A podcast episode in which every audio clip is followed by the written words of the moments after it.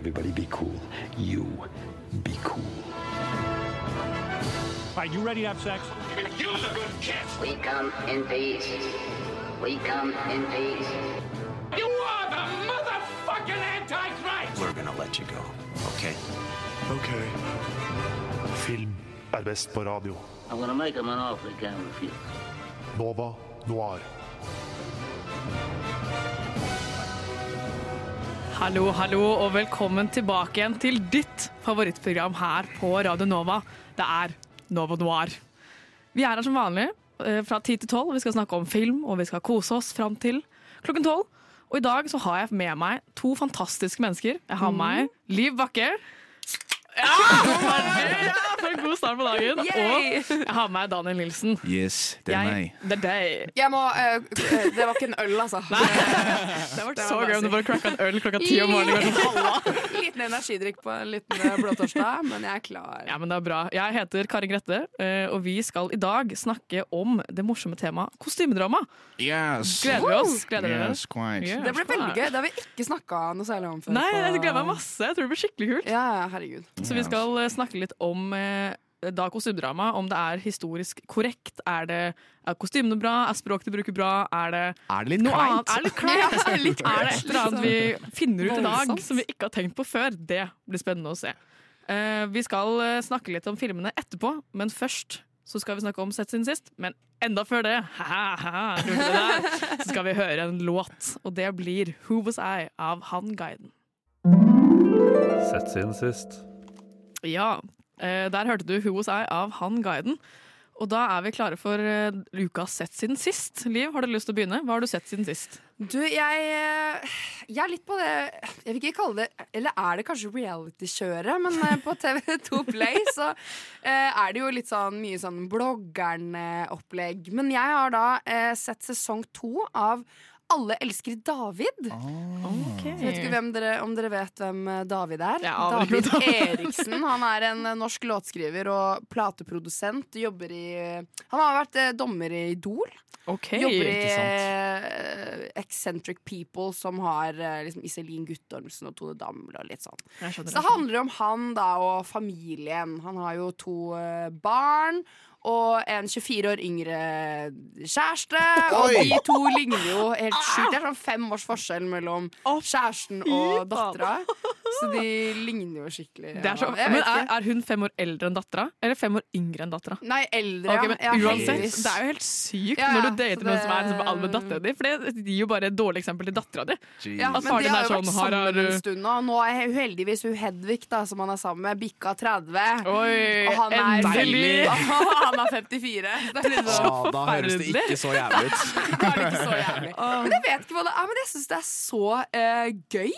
Gøy serie, Ja, ja. liksom. Og liksom inn i det livet der og se litt sånn der eh, Frogner-leilighet og Ja, sånn- kjøre Porscher og Er det basically golf. basically en dokumentar, liksom? Ja, det Om blir på en hans liv? det, da. Og ja, om dems liv og ja, Jeg vet ikke hvorfor, men jeg syns det er veldig gøy. Og jeg syns hun Hedvig også er skikkelig morsom. Hun Så- er en skikkelig jovial type, liksom. ja, skikkelig bra. jovial, og hun har er nå blitt influenser. Hun er veldig sånn klumsete. Og nei, jeg vet ikke, det er et eller annet med den. Altså. Så hvis man liker litt sånn uh, reality For jeg er ikke så glad i bloggerne. Jeg liker å bare følge med på én person. Jeg. Ja, for Sånn bloggerne er jo sånn åtte ja. stykker eller noe. Ja, og det De er er sånn to stykker jeg syns er kule, og så er det alle de andre som jeg spoler. Så Men jeg føler det som at bloggerne, alt som, sånn som alle andre realityshow, bare blir sånn Vi bare fant noen, men de er egentlig ikke kjente Nei, og så er de ikke bloggere Ja, engang. de Nei, de, bare, de raider jo bare på den gamle tittelen, føler jeg, som heter bloggere. Da bloggere var en ting. Ja, Ja, Men nå burde det jo være influensere. Ja, men det du er kan, du kan finne en serie. 18-åring i dag som ikke veit hva en blogg er, liksom. Ja, nei, så det er mye sånne. Så, ja, men uh, hvis man eh, vil følge med på én person, og jeg har sett seg ferdig på Sofie Elises verden, så Ja. alle elsker David. Det er veldig gøy. Ja, så bra. Du Daniel, hva har du sett siden sist? Uh, sist jeg var på sending, så sa jeg at jeg hadde en dyp kjærlighet for Jackass. Eh, og jeg hadde veldig lyst til å gå og se Jackass 4 på kino før den gikk av lufta. Eh, eh, Gikk av lufta. Eh, vært sorry, sorry, jeg har radio på hjernen. Uh, nei, jeg så. Jackass 4 på kino. Fy fader, det var gøy. Oh, jeg koste meg så mye. Uh, anbefaler det på det sterkeste hvis du liker å se folk ha have a good ass time. Eh, Ja, good ass. Det er mye, good ass ass, time. Og good penis time. Men er det ikke for at jeg, Mine minner fra Jackass var når det gikk på MTV, tror jeg. ja, ja, ja. Og det jeg husker, det jeg husker best, er at folk liksom svir sånn merke på Yes. Det er en, eh, det er en classic bit fra, fra Steve hvor de tar et eh, Nei, faktisk fra Bam, hvor eh, de tar kujern på rumpa Ja, kujern på rumpa. Ja, det er pikk og baller. Ja, og så er det ja, et eller annet med det også. Noen pikkegreier. Ja, ja, ja. si. Syre på det. Men. Jackass 4, en uh, utrolig smakfull film. Ja, jeg, vi så den jo sammen, Danne. Ja. Og jeg, øh, jeg har jo også vært veldig glad i Jackass hele tiden. Og jeg koste meg så mye. Ja. Liksom, sånn. Det var så sykt Du kunne nesten hatt den på 4DX på Ringen kino, syns jeg. Da får du Det- bare, men du hele filmen, begynner, hele filmen begynner med bare en kuk og baller. Og det Ja. å ha det så up close i 4D Men er det mye nasty ting, liksom? Ja, jeg er husker også bare sånn fiskekrok noen tar Ja, gjennom. you are ikke sant? Det er mye øh, avføring og Å, herregud. kroppsvæsker og alle Hva er verdens ting. aldersgrensa? Tolv år? Det er ikke så mye. Det var det, når, vi, når vi var på, kino, på vei til kinoen, så var det to stykker som skulle se Batman. Og de var ikke Eh, de, gamle fikk, eh, de var ikke gamle nok, men Jackass dem kunne du se. Å, herregud. Og jeg ble bare sånn Hva er det som skjer i Norge for tida? Å, fy søren. Ja, det, Kult. Hva med deg, Karin? jeg har sett øh, en del, men det jeg har sett som jeg syns var øh, fetest, var Licorice Pizza. Jeg så den på kino på lørdag. Det har Eh, jeg også lyst til å se, faktisk. Ja, Ja, den, funnet. Altså, den var ikke så bra som jeg trodde, men den var verdt å se. Det er veldig sånn kunstfilm. Så den er ja. verdt å se for liksom estetikken, Det er men ikke sånn, nødvendigvis for handlingen. For den var veldig vanskelig å følge med på, for det handler jo om eh, en 15 år gammel gutt som er eh, skuespiller og veldig sånn eh, firmasatser. Ja. Han starter nye firmaer hele tiden. Hver gang han ser en mulighet til å starte et firma, så gjør han det. Han gutten? Han lille gutten. Okay. Og så blir han kjent med da en som jobber som sånn skoleportrettfotograf på skolen. Som da er eh, Hun er med i Haim, det bandet. Eh, for alle i bandet er med, og mor og far. Oi. Så hele familien deres er bare casta som hennes. Herregud. familie. Eh, og de, hun er da 25, så hun er ti år eldre. Da. Ja. Og så inngår, det, ja, så liksom. inngår de da et vennskap, men også litt romantisk. Det er veldig vagt, og så er han veldig sjalu, og så er hun veldig sjalu, og så skjer det. Men det skjer så sykt mye greier. Jeg trodde liksom det kom til å handle bare om de to, Mm. men det skjer så mye. Jeg var helt sånn Hvor er jeg? Hva, hva skjer? Jeg, jeg, hvor, hvordan havna jeg her? Lyst Det var bare så mye greier. ja, ja. Eh, jeg så eh, den nå på lørdag, og det var fullsatt kinosal. Det var helt fullt, og den har gått nå i sånn tre Den har blitt, Ja, eh, den har blitt markedsført veldig ja. mye i Norge. Ja, altså. og jeg tror. Oscar-nominasjonen Ja, hjalp den veldig. Ja. Paul Thomas Anderson er jo kjempepopulær. Det er mye løping, da. Så det er, Mye en sånn det er en parallell at de løper hele tiden. ja. Men det er veldig sånn fleeting moments-film, sant? Riktig, hvor det er sånn slice of life. Uh, Coming of age. Ja, og du Ja. liksom, liksom. Filmen er også liksom en del En karakter er tiden og byen den er Ja, satt i. Liksom, riktig. sånn Encino 1969. Den er faktisk, Apropos kostymedrama, den er veldig bra Ja. sånn kostymedramamessig. For den er satt på 70-tallet. Ja, ja, og den er sant? veldig bra som en sånn burger joints og Det er arkadegreier. Og vannsenger De reklamerer for. Og det er sånn. Dere nailer det! Dere nailer det! Å, Det er så fett! Så hvis dere vil se det for estetikken, den kjære lytter, så dra og se den. Hvis dere vil se den på storyen, ikke dra og se den. og med det så går vi videre til låt, og da får dere høre 'Poolside Person' av Mallgirl. Filmnyheter. Alt som vi lager nå, er remix eller liksom samme historie om igjen. Om det har skjedd eh, en stor eh, skandale. Film. Film. Film. Film. Film. Film. Film, film, film, film, film, film, film, film, film, film, film. Nyheter. Filter, filter, filter, film film til filmnyheter. Veldig nytt til filmnyheter. Der hørte du Poolside Person av Mallgirl, og den jinglen jeg nettopp hørte, vant faktisk årets jingle på julebordet. Shout out til Kim! Det syns jeg var veldig hyggelig. Jeg var Det der, det var kjempegøy. Det må nevnes, men eh, det var faktisk et veldig hyggelig øyeblikk. Mm. Og shout out til Kim for det. Mm. Da er vi videre på nyheter. Ukas nyheter. Har dere med dere noe spennende som har skjedd i filmverden, Daniel? Ja, det var jo Oscar-utdeling nå. eh, Ja, det var det, vet du. Det var egentlig en ganske vanlig, kjedelig sending. Ja. Eh, men det skjedde noe helt sykt. Dune fikk seks Academy Awards. Nei da, jeg bare tuller. Eh, det er helt måte. sant og helt fortjent, syns jeg. Eh, men eh, Will Smith slo jo til Chris Rock. Ja, ganske. Ganske crazy. Eh, vet ikke helt hva eh, jeg syns om det. Det har aga veldig dårlig uh, de siste ukene. Ja. Når det skjedde, så ble alle litt sånn De siste ja, ukene, eller de siste Nei, fire siste, dagene? Siste dagene, sorry. Herregud. Siste dagene det har gått en uke. Ja, Ja, eh, Folk bare ble jo helt uh, satt ut, og det ble snakk om at han skulle eskorteres ut av salen, og nå blir det jo repercussions Og og, han konsekvenser. Oscaren sin. Og han mister, Nei, jo, sant? nei, altså, Ja, vi vet ikke om han kommer til å miste den, men om det, eh, liksom. Academy, Ja. Academy spekulerer om at han skal få eh, konsekvenser. da ja, Fordi at uh, du slo til noen på en eh, ganske snazzy event. Uh, Og det er så mange som har sånn, gått ut i media om det etterpå. Sånn Jim Carrey har gått ut i media og vært sånn Det her var helt mange som er sure. Mange som er sure. Mange som Liksom. er sure. Åh, det er helt sykt. Eh, det var bare det. Jeg det var liksom min halvnyhet. Min halvnyhet Min var den halvnyhet. faktiske helnyhet. Eh, ja, helnyheten er jo at uh, Dune vant uh, seks Academy Awards, og at uh, jeg leste nå for uh, ikke så lenge siden at eh, Austin Butler, som, er, eh, som nå skal spille Elvis Presley Presley. Elvis Presley. Elvis Presley. eh, ja, ja.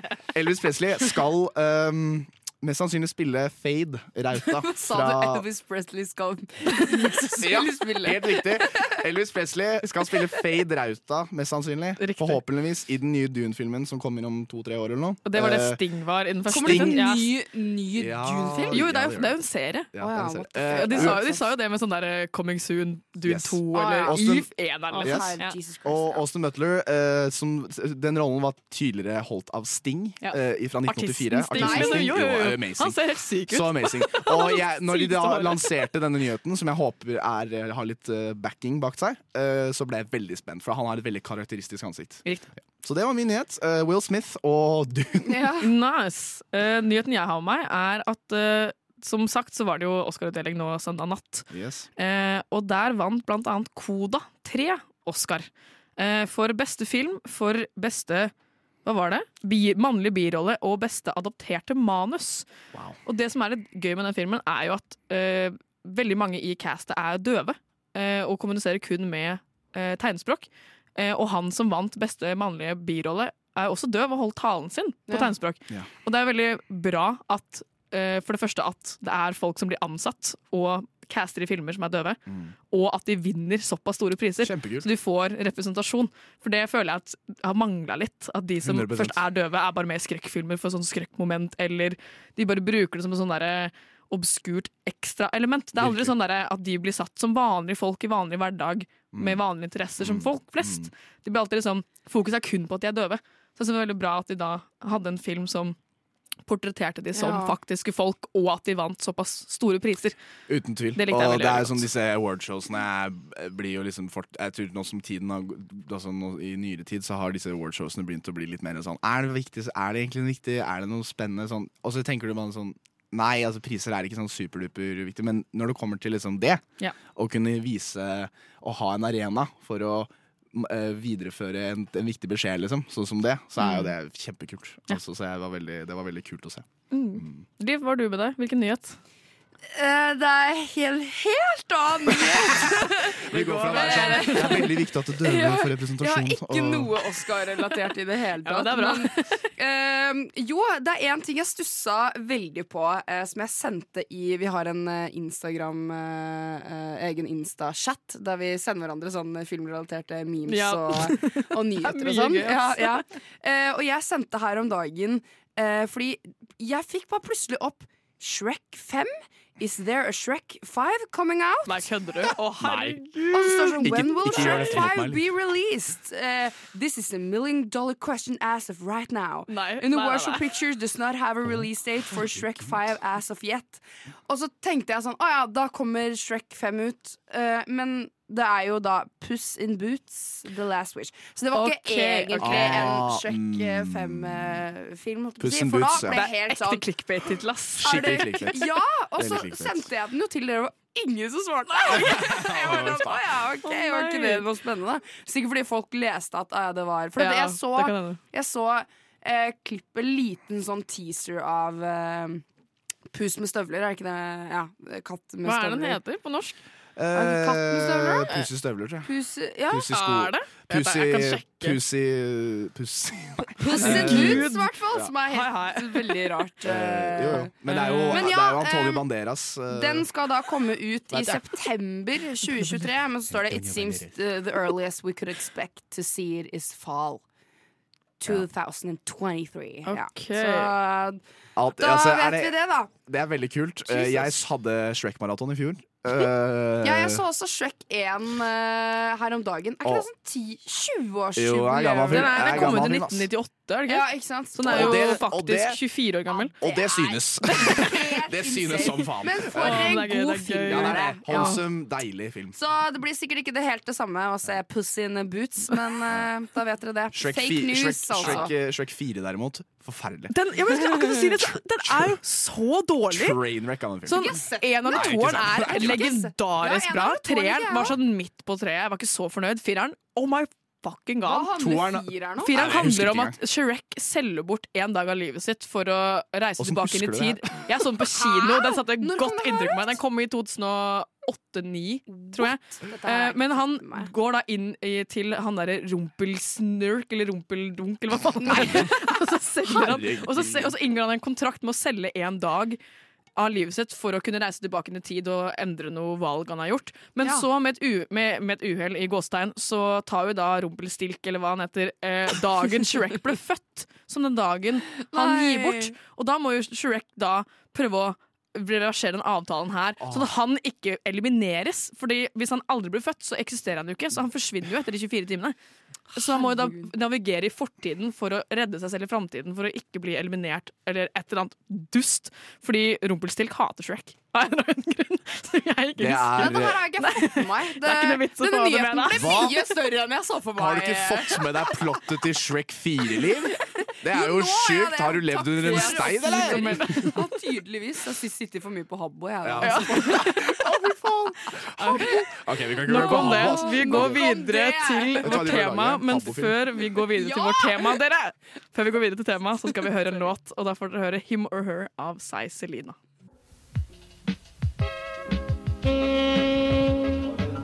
Alle tre, og så kommer Edmund og bare What the fuck? Har du sett Parasite? Ja. Har du sett Parasite? Du vet når du gjør den der, den der Jeg husker jeg egentlig. Å, shit, shit. Uh, Nova Noir.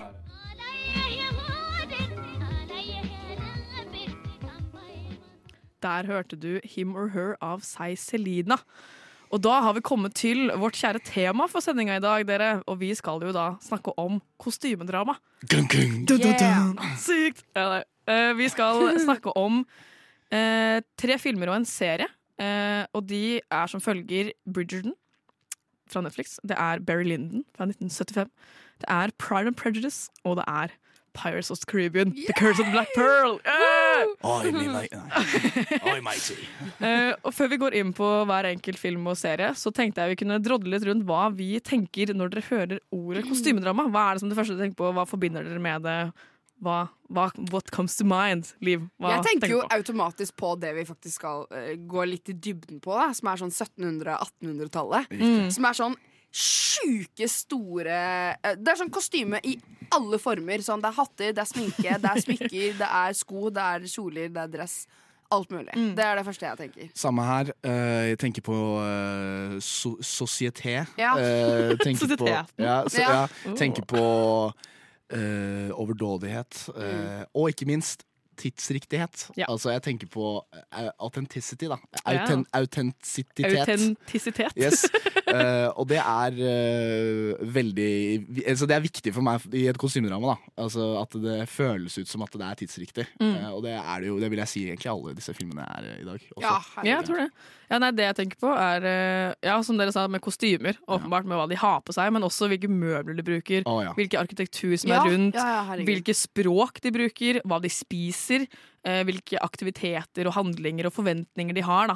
Sånn som i de to filmene vi skal snakke om senere, med da, denne pairing season. Ja. Hva er det for noe? Er Det Det må vi jo snakke om etterpå. Det er Tenk om det hadde vært en greie nå, liksom. Det høres jo faen meg var sånn, skulle fælt finne en ut, liksom. eligible Ja. bachelor for deg, liksom. Ja, nå skal vi finne en mann som skal bedde deg. Så det, det, det, er sånn Det er jo forferdelig. Ja, det er helt, Altså, helt grusomt. men, Men, vi sitter og ser på det og blir sånn Åh! Det blir sånn wow, kult! men hva hvis det er en film dere ser som dere bare merker at er skikkelig dårlig kostymedrama? Sånn det er dårlige kostymer, det er feil historikk. Liksom, hva, hva er tenker jo- dere da? Hvordan føler dere det? Liksom, legger dere merke til det? Ja. Ja. Det, er, det, er, det er en fin linje mellom uh, Du ser hvor penga går igjen, for å si det sånn. Ja, men ja, Mm. det er eh, det er forskjell på filmer, da, men akkurat sånn som nå som jeg har sett eh, Jeg har begynt på sesong to av Bridgerton. Ja. Så sitter jeg veldig ofte og tenker sånn Herregud, hva er det de har på seg? Og, ja, og ja, puppene skal være så høyt opp. Og liksom. man, man legger veldig merke til detaljer og, og hvordan kostymene også eh, ser ut med tanke på hus og bakgrunn, og hvor rike de er, hvor i rangen man er, liksom. Ja, for det syns Så- jo veldig mye bedre der enn nå, for eksempel. Med eh, hvor mye detaljer det ligger i kjolene til damene, Ja. eksempel. Hvis, hvis du har masse, masse, masse detaljer og eh, liksom, hva heter det, lace og perler og broderier og gud brutle Du ser det jo med en gang Ja, om det kommer en som er i lavere rang enn deg. For de har jo bare sånn et stoff, stusslig stoff. litt sånn Ja! fine ermer, og kanskje noen fine sko. Ja, altså, men så er det aldri liksom noe mer enn den Nei. kjolen. De har ikke noe sånn hansker eller hatter Nei. eller noe mer enn det. Altså det er, nå så ser folk bare helt like ut uansett. Ja. Du ser jo nesten ikke om folk er i høyere rang, da, om Jeg- du kan si det på den måten, Jeg enn prøver deg. å tenke om jeg, nå, nå prøver jeg å komme på et dårlig eksempel på Ja, men altså, kostymedrama. Men det, er jo, det som er greia, er jo at eh, til og med kostymedramaer som nødvendigvis ikke er mottatt bra, Ja. er jo fortsatt ganske greie kostymerammer sånn, Ja, ja. eh, sånn, sånn produksjonsmessig. Og der ser du jo bare det at hvis, folk har jo skjønt at hvis du skal lage noe fra den tida her, skal det faen meg se bra ut. ass. Det er, Ja. sånn, det er i hvert fall ikke det vi skal bli tatt på. Uh, så ja. Jeg må prøve å finne en dårlig Har du Jeg kommer ikke på noe dårlig. Dårlig kostymedrama. Ja, Noe som liksom er kjent for å være litt dritt. Ja, som er sånn Det er, dårlig, det er feil Jeg kostymer. kommer på parodi, jeg kommer på liksom, Det må bli parodier eller noe, da. Sånn, en dårlig parodi. Jo, men jeg kom på noen som alltid liksom bommer. Sånn eh, Nå fant jeg en skikkelig dårlig nettside, men uh, 300 Rise of an Empire. Oh, Hvis det er faen. mer enn 1000 år siden. Oh, ja, sånn, ja. Fy fader, så mye de bommer Ja, på det! Sånn ja, ja, ja. romertid, uh, antikken, Ja. egyptertid. Gud, det har jeg Fy søren, så mye de bommer på liksom, klær og språk og kultur. Men Det du, helt har dere noen gang tenkt på Jeg vet ikke om det er litt off topic, men sånn jent, altså kvinner før i tida Mm. som som nå er Si Game of Thrones, da, så ser du liksom nakne kvinner og sånn som ligger i senga. Så er de liksom De er glattbarberte! ja, ja, sånn motherfucker, liksom. Det er sånn derre Men eh, var på. det en greie på altså, før, liksom? Å nei. Og, Det- nei. det så det kan er sånn, sånne ting da, som, så, Sånne ting har jeg bitt meg merke i, faktisk. Ja, det er, det er sant. Og det sånn- er, jo, det er jo egentlig direkte Det, det er jo ikke egentlig off topic i det hele tatt. For det er jo Nei, egentlig ikke, Nei, fordi det, er, sånn- det er eh, direkte satt opp med at det er det, det er det jeg snakka om. Det er litt tidligere, tidligere altså tidsriktighet. da Altså Kostymedramaer er som regel veldig tidsriktige, eh, fordi de har ikke så mye De har ganske lite Du kan, skal ikke bli tatt på det, da. På, det. Ja. Ja, nei, Samme som det du sa, Liv, med eh, at de bruker alltid moderne sminke på eh, tusen år som de har satt Ja. for 1000 år siden. Ja. Men de har sminke som jeg bruker til vanlig. Ja, Hårstiler som jeg brukte. den Nei, gangen da, i, I hvert fall ikke samme typen og på samme måten. Nei, nei, Da var det liksom eh, Hvis det var i egyptertid, så var det jo tjukk eyeliner under øyet og ut på siden. eh, og kjempetacky rød leppestift. Det var det, liksom. Du hadde ikke fin foundation som la seg pent og fiksa øyenbrynene dine, eller shava, da. Det var jo bare sånn, det så ut som du hadde Herregud, klint gjørme i trynet, liksom. Og det syns jeg blir så rart når de da De ser så fine ut, sånn som hun Uh, Hun som spiller Kleopatra. Nå kommer jeg ikke på hva hun heter, men hun I den ja, 60-tallskleopateraen. ja. Uh, hun har jo så sykt bra eyeliner, og jeg er sånn Det ikke Det stemmer ikke, ass. Jeg beklager. ja. Det også, Vi kommer jo litt inn på det senere, men hvor mye tid bruker de ikke på å ordne seg? Bare det å sette opp håret og krølle det og sminke seg og tegne på skjønnhetsflekker og, Det får deg til å tro om det ta ja. på alle de laga lag, med ja. kjole. Ja, det er korsett, og du må, du må jo ha hjelp er til å kle på deg. skjørt og sånn- 17 Det nærmeste vi kommer eh, til noe som er likt, er jo å få på oss bunad på 17. mai. Og tenk Og å ta på seg bunad hver ja. eneste dag. Og så skifter de også flere ganger om dagen Ja, ja, også. ja. Det er jo Men det jeg savner i, helt det jeg savner i kostymedramaer, er Jeg vil se alt det som de aldri viser. Sånn, hvor går de på dass? Ja, Eh, sånn, hvordan gjør de det? hvor kaster sånn- de sokkene sine? Hadde de Sånn, i håret, eller hadde de ikke Ja, i håret? Ja, sånn, vite Gi meg de litt mer usjarmerende? Ja. Gi meg de litt mer usjarmerende detaljene. Ja. Så, så da upper du jo bare Altså, eh, autentisiteten mer. dere kan jo se på Downton Abbey, da. Jo, det er jo en serie jo, som handler om den stygge siden av et sånn Men allikevel så er det også sånn Downton Abbey Ja, men det, det, er, ja, men det er liksom sånn For da bare ser du det fra liksom tjeneres perspektiv, og ikke fra de Ja. rikeste oh, ja, perspektiv. Fordi da sitter de jo i liksom For det er jo alltid parallelle ganger i sånne herskapshus der uh, de som eide huset gikk, og der Mm. tjenerne Ja, gikk. ja, Og da ser du det fra tjeneren sin gang, og ikke de Ja, ikke som sant. eier det sin gang. Så Men- da får du se den stygge siden, Riktig. og hvor de sover, og hvordan de deler alt. Og liksom.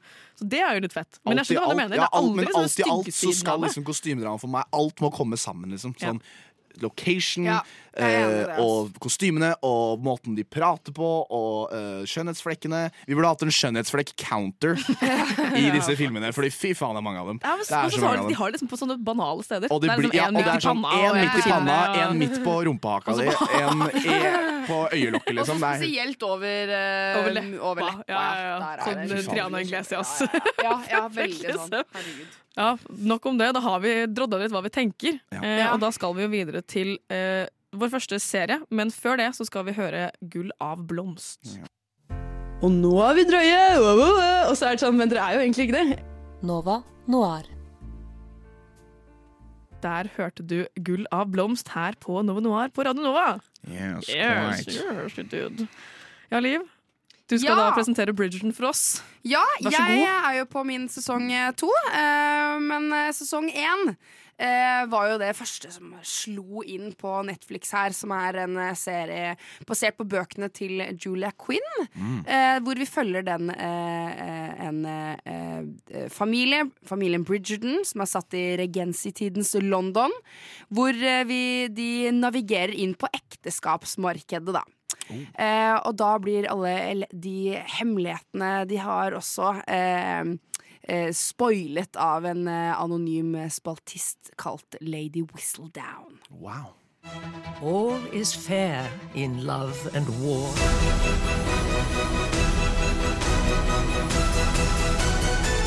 Miss Daphne Bridgerton. The time has come for the social season. Tighter! She to breathe, Mama. Which young ladies might succeed at securing a match? You've always amused me, Miss Bridgerton. Ever since I was a schoolboy and you were. Oh, but five? Miss Bridgerton! Ja, der fikk dere høre traileren til Bridgerton, klippet av Daniel. Miss Bridgerton!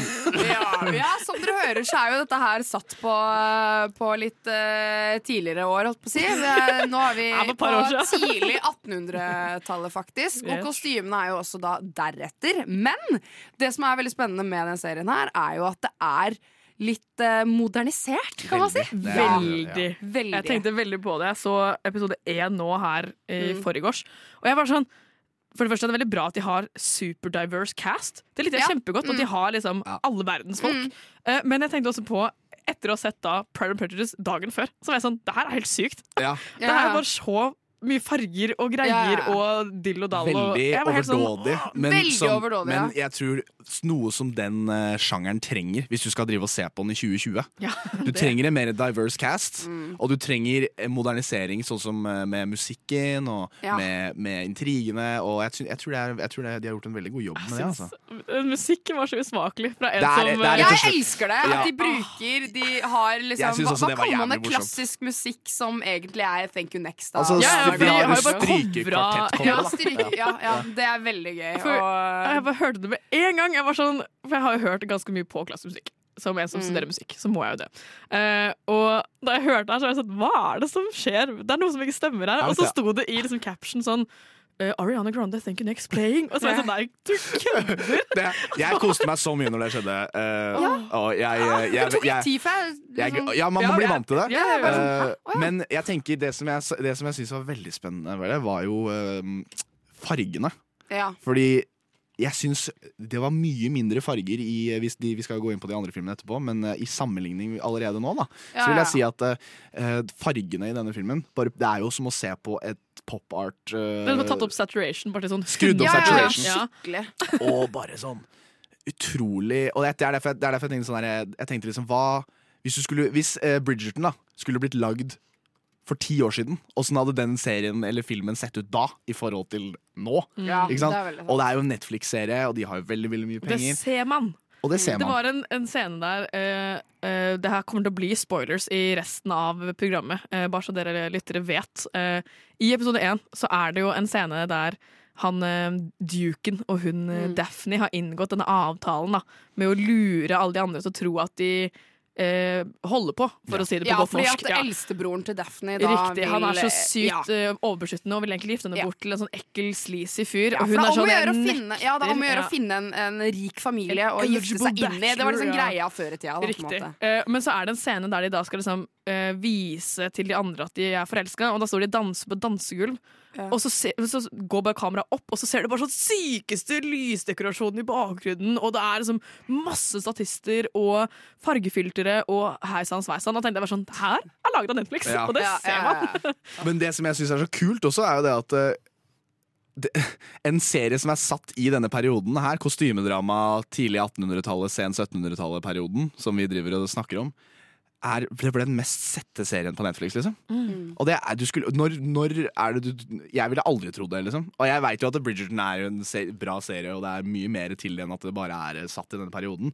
Men det er liksom akkurat det, da. Du må at, denne, at det er en serie som er satt i den perioden, her er jo helt sinnssykt, syns jeg. Mm. Altså, det er, at den skulle bli eh, den mest sette tingen på Netflix, og bare the talk of the town, liksom. Det er helt sykt. Ja, Eh, ja, jeg, ja. Det er det jeg syns er gøy. At dere sitter og er sånn her Å, herregud, jeg syns det ser litt gøy ut å gå med alle de Ja, ja. antrekkene og liksom pynte seg på håret og liksom ha tjenere til å kle seg opp, og selv om det høres litt slitsomt ut og bare sånn uh, Daphne, you need to change because we are eating dinner. Liksom, sånn, og så må man bytte kjole fordi man skal spise middag, og så skal man spille krokket, og, ja, ja.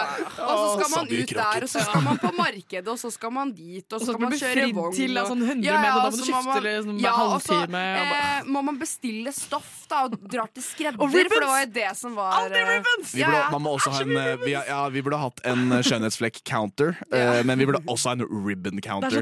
Fordi fy faen, det er mange ribbons i denne tida. Det var jo det som, men det er det som er så sjukt. Sånn, tenk, så mye de klærne kosta før. Ja, det er. De er jo veldig rike, de familiene. Og, men så har vi en familie som er Featherington, som ikke er så rike etter hvert. De eller- virker veldig Ja, rike, og så er det, sånn, å veldig nei. fasade. Er Ja, så er det sånn, fasade. fader, vi skulle hatt en kjole til til deg, da, for du Ja. skal jo også giftes bort. Og, ja, Ja, uff, faen, vi har da, ikke penger til det, da. Og du ser jo, du For du ser må jo det ha på en ny kjole, da. Det er jo veldig sånn Veldig eh, det er, De bruker jo ikke samme tinga om igjen, for Nei. å si det sånn. Det er det. Men jeg har faktisk funnet ut noe veldig gøy angående liksom, kjolebruk. og Hvor mye de kjøper nye kjoler. Ja. Eh, for det, er- dere vet jo alle at eh, det å vise ankler i gamle dager, det var skandaløst. Ja, det var det. Skulle ikke vise anklene Det er dine eller beina dine. Og jeg har funnet ut hvorfor. Jeg har faktisk funnet ut hvorfor. Fordi eh, disse rike menneskene kjøpte jo nye kjoler. Eh, og de subba jo alltid i bakken. Ja. Og hvis det var gjørmete ute, så kjøpte de bare ny kjole. Ja. Men folk som ikke hadde penger til å kjøpe en ny kjole, blant annet da prostituerte, sånne type mennesker, de kjøpte da kortere kjoler, sånn at kjolen ikke skulle subbe i bakken, sånn at kjolen ikke ble ødelagt mellom hver gang de gikk ut. Og da viste de anklene sine, fordi kjolen måtte jo være kortere. ja. Og da har det blitt et sånn symbol på liksom, løssluppenhet. Da, At de viser anklene, fordi var du fattig, så måtte du ha kort kjole for å ikke møkke den til. fy søren. Og det er så sykt! Det Det er fant er ut som er sånn, interessant. det så mening! Oi, det er helt sykt. Jeg trodde, jeg trodde det hadde noe med religion å gjøre, Nei. Eh, men eh, det, Det er er bare for, liksom, for conveniency, for folk som ikke har penger til å kjøpe nye kjoler hele tiden. Det skjønner jeg, det er jo mye, mye mer i mye, mye mening. Og jeg var bare sånn mind blown. Jeg fant ut, Men der ser man jo også det, i ja. Bridgerton, når de er på markedet, og sånn, så ser du forskjell på folk. Det er sånn her, Alle de som jobber der, som er fattige, går i sånn brune litt sånn Det er der, alltid brunt, ass. Alt er sånn brunt og liksom forklær og sånn, og så går de med de paljettene og liksom Og det er så sånn gult og glitter. grønt og lilla Ja, det er så mye farger, liksom. Litt sånn der, ja, indisk vibe, på en måte. Ja, mønster på alt. Ja, alt er mønster. Ja, alt er mønster og perler Ja. og smykker og åh. Jeg vet ikke, jeg tror bare det at eh, det var Jeg så jo Bridgerton Jeg begynte å se på den i, i eh, henhold til den sendingen her. eh, men jeg så jo det her som det siste. Så jeg så, Ja. som, og, det, og da merka jeg at nå var jeg litt mett på kostymedrama. Ja. Og jeg tror ikke at det har noe med Bridgerton å gjøre. Men jeg merket sånn Jeg skulle starta med Bridgerton. Altså. Ja, ikke sant? Fordi, Ja. fordi fytti rakkeren, det var de, Det var liksom Pride and Prejudice og Barry Lyndon på syre! Ja, ja. Ja, så- ja. Det var bare sånn Det var alle de tingene som vi får liksom spill, det, Alle disse tingene jeg fikk liksom spredt ut på fem timer, bare kom konsentrert i løpet av 20 min. Ja, det var- uh, og, men det, det viser jo egentlig bare at det er et jævlig bra kostymedrama, fordi Jeg fikk jo alt det jeg uh, fikk på løpet av liksom spredt Ja, på ja, 50 ja, fikk jeg i fleisen. Time, ja. Vi fikk det i trynet med en gang! Du, Eh, noe annet man får opp i trynet med snakk om det. La oss snakke om puppene Ja. der. De er jo heisa og klemt noe så inn til månen, liksom. Det er jo helt- Hva er men- greia med det? Hun, At det liksom skulle være en greie? Jeg vet ikke, men hun ene dattera til hun Fedrington Hun besvimer jo i den første kvarteret Ja. av episoden. Å, fordi mora har bare Ja, da jeg var på din alder øh, Jævlig toxic, first of all. øh, ikke bra å si. Så var det sånn, ja, Da jeg var på din alder, så var jeg mye tynnere enn deg, så du skal være like tynn som meg. Og så bare moser hun inn i det jævla korsettet, og så besvimer hun jo. Fun fact om det. Det, her er, det er den andre scenen i disse filmene vi snakker om nå, hvor noen besvimer Ja, av å ha på seg et korsett. Ja, ja. Hvem skulle faen meg tro at eh, det, det bare sier noe om denne perioden? At eh, det er noen ting du må ha med. Du kan spille Ja. litt bingo her. Du må Er det noen som besvimer av et korsett? Er- Hvor mange korsettscener er det?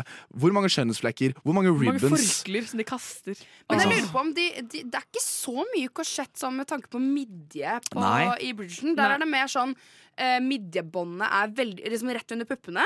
Og så er det akkurat som de har tidenes pushup-BH som bare Ja, men det ser jo helt På sånn, jeg, alle eh, damene, liksom. Det er sånn her, Tenk å sitte med dattera si og bare sånn Og så der puppene er er sånn oppi haka, Ja, ja, liksom. Det er bare sånn Yes. de tyter ut, liksom. Velkommen tilbake til vår puppespalte på Nova Noir.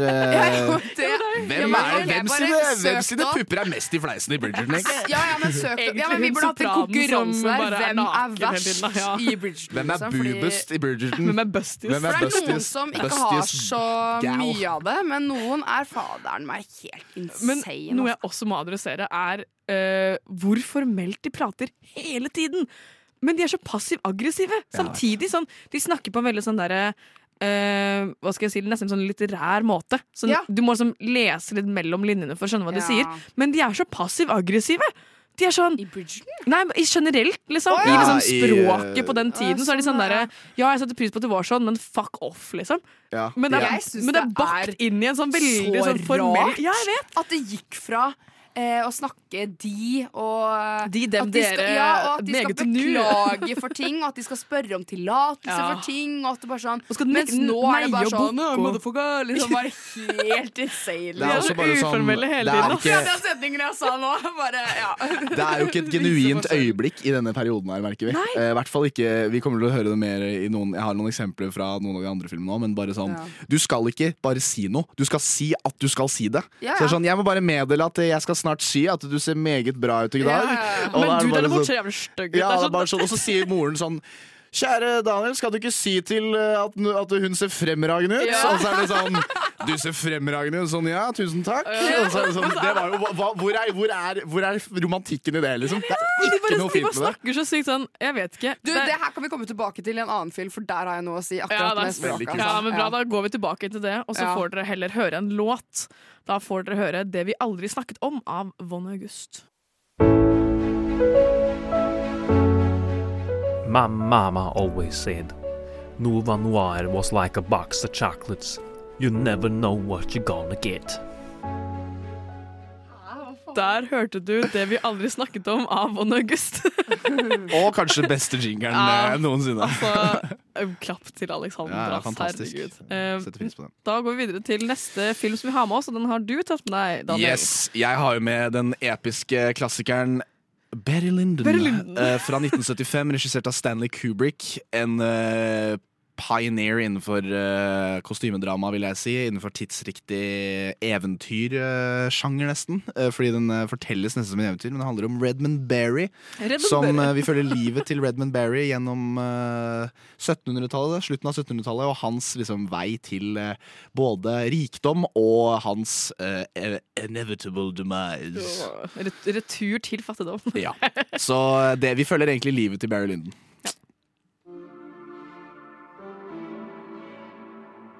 Mark this, and come what will of it. I will fight the man who pretends the hand of Nora Brady. I'll follow him if it's into the church. My name is Redmond Barry, a ruined lad, and send me to the devil. You are a liar. You're an impostor. You're a deserter. Gjøre dessert. Ah, ah, ok, så uh, Barry Lyndon som sagt handler jo da om eh, Redmond Barry, som deretter får tittelen Barry Lyndon når han gifter seg med en uh, Er det ikke Catherine Linden? Er det det hun heter? Nei. Jeg husker ikke, men eh, hun er i hvert fall en eh, high upstanding woman i dette her sosieteten. eh, og Aristokrater. ja, Men han starter som en boms. Ja, liksom. han er bare en irsk boms som ja, bor på en forelsker, gård. Liksom. Som, som forelsker seg i kusina si. Ja, Som man det gjør. var det man gjorde på den tida. Ja, ja, sant? Ja. Og, kostyme og, og så kommer det en British officer. eh, og, og Er det ikke eh, Også jo, som heter Captain Quinn. eh, og tar hånden til Nora Brady fra Redmond Berry, og deretter uh, duellerer dem. Ja. Også bare så kostymedrama å duellere. Uh, og ender med at Barry Lyndon eh, skyter Captain Quinn. Men så er det staged. Stagea. Det finner man ut senere. Spoiler alert. Jeg har sagt det allerede Ja. til den kjære lytteren som hører på i dag. Det er mye spoiler i Ja, dag. men i hvert fall, og da følger vi liksom eh, hans eh, vei til eh, å lure seg inn i liksom forskjellige intriger, eh, ja, eh, forskjellige liksom arenaer i denne tiden. Altså han Plutselig så er han i den britiske armeen, og så blir han, eh, lurer han seg ut av den, og så kommer han inn i den prøyssiske Ja. armeen, og så, lurer han, så kommer han ut av det og blir plutselig en spion, Ja, og så for- til slutt så blir han gambler og litt sånn høyere, og så gifter han seg, seg med en veldig sånn adelsk dame, da, som heter hun Catherine uh, Ja, Linden, tror jeg. Linden. Og ender med å ha masse rikdom, og så ender med at han bare har all den rikdom, og så bare kommer alt crashende ned igjen. da eh, På grunn av eh, en eh, maktkamp med sønnen til En hun der kona. han har, da. Ja. Ja. Men ja, her høres det ut som det er litt mer sånn For nå har vi vært veldig innom sånn kjoler og liksom sånne ting. Men hva er det som er typisk eh, liksom mannlig kostyme her, da, for eksempel? Siden det er Jeg vil si kostymemessig så er det utrolig autentisk. Jeg vil si sånn at jeg, Det føles ut som alle, alle bildene i denne filmen her føles ut som et stort maleri. Ja, liksom ja. Det føles som du ser på et maleri. Alt er sånne fantastiske, nydelige tablåer som er lyssatt pent inni disse her fantastiske hjemmene. Eh, og alle har på seg den ekleste, skitneste, driteste sminken du har Ja, ja, sett i ditt liv. det ser er ut som de bare har på seg det snak- ekkel sånn Det er litt det jeg tenkte. Ja, sånn, ja, ja. I sammenligning med Bridgerton, hvor alle egentlig ser veldig attraktive ut, vil jeg si. Eh, sånn, eh, de har en eh, ganske sånn eh, presentabel look i seg i ansiktet, da. Ikke sant? Ja, sånn, eh, de er ikke sånn I den her å, fy faen. De Folk ser de, så stygge de ser ut. som de liksom prøver å gjemme et trainwreck. Ikke sant? Sånn Mm. der, De ser så- gamle ut, de ser skrukkete ut, de ser slitne ut, de ser syke ut. Det er liksom Moderne sminke er ikke til Det stede her. ikke Det kan her, også ha litt å si det, Det kan ha litt å gjøre at Jeg vet ikke hvordan folk sminka seg på 70-tallet, men eh, det vet ikke. hvis du lager periodrama på 70-tallet, så får du dette. Men uh, Altså, De hadde jo Maybelline på 70-tallet. Ja, ja, ja. Det fantes, liksom. Den, eh, den der eh, Ja, ja, ja. grønne rosa maskaraen som fortsatt er på butikken. Selvfølgelig, jeg sier ikke at folk, 70-tallet. jeg sier ikke at folk eh, sminka seg dritt på 70-tallet. Det er bare det at eh, det Men- er utrolig eh, Det føles eh, ut som Jeg kan lukte den filmen her. Ja, men, men sånn som vi, vi har jo diskutert det her litt før sending. Med, det er jo Stanley Kubrick som har regissert den. Riktig. Og jeg føler at hvis det er han som først har regissert den, så er det så fokus på detaljer. Og han har sikkert funnet en eller annen kostymeansvarlig som har gravd opp en sånn gammel puddergreie og brukt liksom faktisk historisk korrekte parykker, sminke Og fått tilgang til eh, location, Ja. som ikke minst er sikkert fra den tiden. Ja, ja, ja, med Eh, riktig arkitektur. og det er ser jo veldig ut som ja. sånn De bytter jo litt fra hus til hus, og ingen av husene er de samme. Nei, For det er jo trender som går igjen der òg, Ja. og det har jo han også fått med. I både ting, klær, fra, for de blir jo eldre også. Og de, det ser man jo, fordi trendene og de klærne de har på seg, endres utover i filmen. Utrolig. Så han er jo helt sykt sånn detaljfokusert. Så detaljfokusert. Og det er en ting som jeg også så gå igjen litt i den filmen her, og jeg så i Pride and Prejudice og um, Bridgerton. Det er jo bruken av naturlig lys. Mm. Det er så mye naturlig lys i disse filmene, og det, i den her, i Bjørn Linden, så skinner det jo ekstra, ekstra frem. Fordi det var jo uh, i, i Bridgerton og um, Pride and Prejudice er det jo de er mye mer nyere filmer. De er Ja, ja. de, de, de er jo 30-40 år yngre enn disse, disse andre enn Barry Linden. I Barry Lyndon, men også i Bridgerton og Pride and Prejudice, det er jo det som det kategoriserer veldig den perioden for meg, og det er at det, dette her naturlige sollyset skyter inn i vinduene, og det brukes som dagslys, da. Mm. Også når det kommer mot kveld. Så er det naturligvis stearinlys. sånne Ikke sant. dritvarme stearinlamper og, eh, og lys. ikke sant? Og eh, det gjør jo eh, Det er det Barry Lyndon liksom er nesten blitt litt kjent for. da Er Mm. bruk lyssettingen i den filmen. Og hvordan liksom alle disse locations Det bare føles ut som at det Det føles som du ser på en tidskapsel. Altså, at det er så autentisk at det er ikke Det er, ikke, det er nesten ikke gøy engang. Det er Ja. bare så sykt. Jeg vet ikke, jeg øh, likte den også bedre for liksom øh, bildene, klippingen. Hvordan han har filma det. Det ser bare helt sykt ut. Det er bare noen, noen ganger det er sånn de bytter scene, og så er jeg sånn Oh my god! For et, for et vakkert liksom, shot. Ja. Storyen er jo litt så som sånn. Den er tre timer lang. Den er liksom. tre timer lang. En lang film, Ja, liksom. det er en lang film. Men den er Jeg, jeg, kommer jo eh, med de forventningene til filmen at jeg kommer til å være sånn Å, herregud, den er tre timer lang, det er kostymedrama fra 1975. Men den var litt spennende, ass. Ja, den er spennende. den. Og den, det Og som er, den klarer liksom å gjøre det sånne vanlige For de sitter og signerer regninger og sånn Ja, i filmen. det er de sitter og gjør regnskap og du, det er det som du får liksom bit, du får biter av eh, Du får biter av noen ting som du kanskje ikke ville sett ellers i denne tiden. Da. For eksempel eh, gamblingen. For eksempel. Mm. Det er jo mye gambling i denne tiden uansett, men du ser eh, kortspill, disse intrikate, rare kortspillene de spilte. Det er så mye fokus på kortspillet at de kjeder driten ut av seg. Ikke sant? Eh, og de betaler, som du sa, regninger. Men det, jeg tror du, du sa også det at når du så det, så sa du det var nesten som å se filmatiseringen av et eventyr. Ja. Og det er en veldig gøy ting, for at det er, det er noe veldig parallelt med eventyr og denne her kostymedramaperioden. Mm. Sånn, eh, hele, det føles veldig magisk ut, syns jeg. Uh, Det er liksom du sier det, ser litt ut som Med kostymene de, Det er litt mer sånn det er blasshet Ja, enn i Bridgerton, for helt riktig, eksempel. ja, helt. Og det er, sånn der, det er sånn typisk du ser på et maleri hjemme i stua Uten eller i et museum. Eller noe sånt. Fordi uh, Jeg har noen bilder oppe her nå, og det er Å, herregud, for noen hatter! Ja, og, det ser og det er sånn derre Til og med, til og med uh, mennene har jo frisyrer med sløyfe Ribbons, eller hva Ja, det i stad. Så Og så sånn derre bluse sånn blonde Hva kaller man det? Sånn derre ja, Det er helt Sånn, sånn, eh, insane hvor Ja. mye greier det er. Ja, for Du har bare sett noen bilder av den.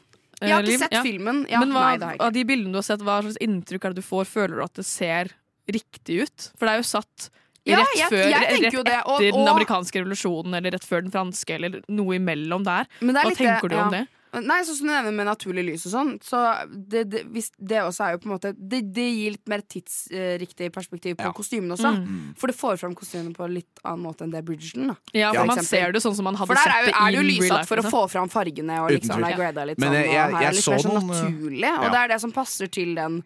Selv om det ikke ser så veldig naturlig ut. er- De er jo veldig dressed up, og det er jo helt insane hvor Altså, de går med sånn derre Åh, Nå har jeg glemt akkurat hva det heter, men sånn kjoler som har eh, Som eh, eh, Gud, hva heter det? Dere vet sånne kjoler som eh, re- re- kri, Krinolin heter det. Krinolin. Ja, det er Riktig. sånn kjoler som har sånn hjerne...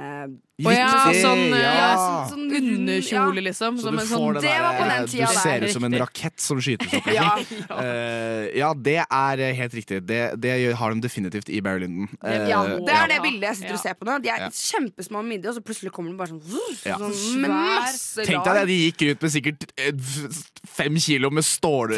Med, med, med, ja, med smidd, med smidd stålverk under kjolen. Men vet dere liksom. hvorfor eh, krinolinen var eh, Eller ble til? Eller hvorfor Nei. det ble så Aner ikke. Det Det er må, må du fortelle litt. Det Det er så så, har, du, spennende. har, du, lest deg på dette her? Ja, jeg har lest meg opp. Fordi eh, På 1700-tallet, det var da den kom. Og det var fordi at eh, eh, når eh, eh, Napoleon den tredje giftet seg med eh, Eugene Eugenie? Eugenie? Så skaffet hun seg eh, da en krinolinekjole i, på 18, i 1855 for å skjule graviditeten sin. 1855. Ja, 1855. Er ikke det lenge etter Barry? Eh, nei eh, det, Jo, jo, det er det. Nei, hun skaffet seg den nyoppfunnede krinolinkjolen. Ja, for den kom liksom tidlig 1800-tall, da. Nå ble jeg veldig usikker. Det er mulig det kanskje var 1755. Kan det vært Nei, men det var jo etter Napoleon 3. er jo lenge etter den franske revolusjonen. Det er sant. Det er sant. Så det går jo ikke. Uh, for Hvis Napoleon 3. hadde en kone, så er jo Napoleon den første, altså Bonaparte, død for lengst. Og den franske Ja, revolusjonen nei, var i det var ikke Ja, nei. De brukte ikke det på 1700-tallet. Men de brukte en sånn, de brukte en sånn der 1800-tallet. plastgreie, tror jeg. Eller sånn der, ikke plast, men en sånn, de brukte jo alle det samme. Bare jeg tror På av metall. 1700-tallet så var det bare veldig mye lag Ja, hele tiden, mens på 1800-tallet så, Så ble det den gitter, Ja, liksom. for du, du gikk fra smale kjoler til at det plutselig ble gigasvært, på en måte. Riktig. Og så ble det tynnere igjen. Ja. Det, er, sett- liksom, det er det evolusjonen der som er veldig rar. Har dere sett The Alienist? Den TV-serien. Den er, apropos kostymedrama, den nailer viktoriansk tid kostymedrama.